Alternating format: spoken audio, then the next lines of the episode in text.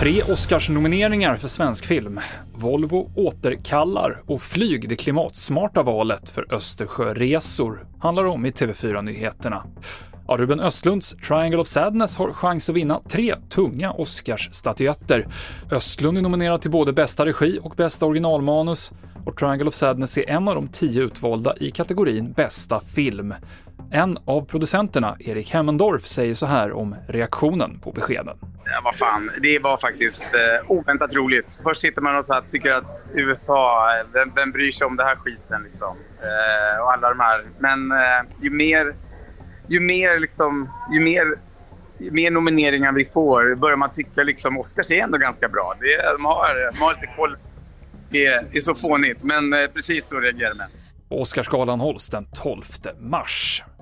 Ett fel på bromsarna gör att Volvo måste återkalla 12 000 nya bilar i Sverige och i hela världen så är det över 100 000 fordon som påverkas, uppger Volvo Cars för sajten CarUp. En uppdatering av mjukvaran ska kunna lösa problemen och alla kunder kommer bli kontaktade av Volvo. På vår sajt kan du se vilka modeller det handlar om, tv4.se. Och att ta färjan istället för flyget kan vara sämre för miljön visar en ny granskning som resetidningen Vagabond har gjort tillsammans med KTH och Chalmers, där de jämfört utsläppen från flyg och färja till bland annat Visby, Helsingfors och Tallinn. Anledningen till att färjorna släpper ut så mycket handlar bland annat om att hastigheten har höjts till sjöss.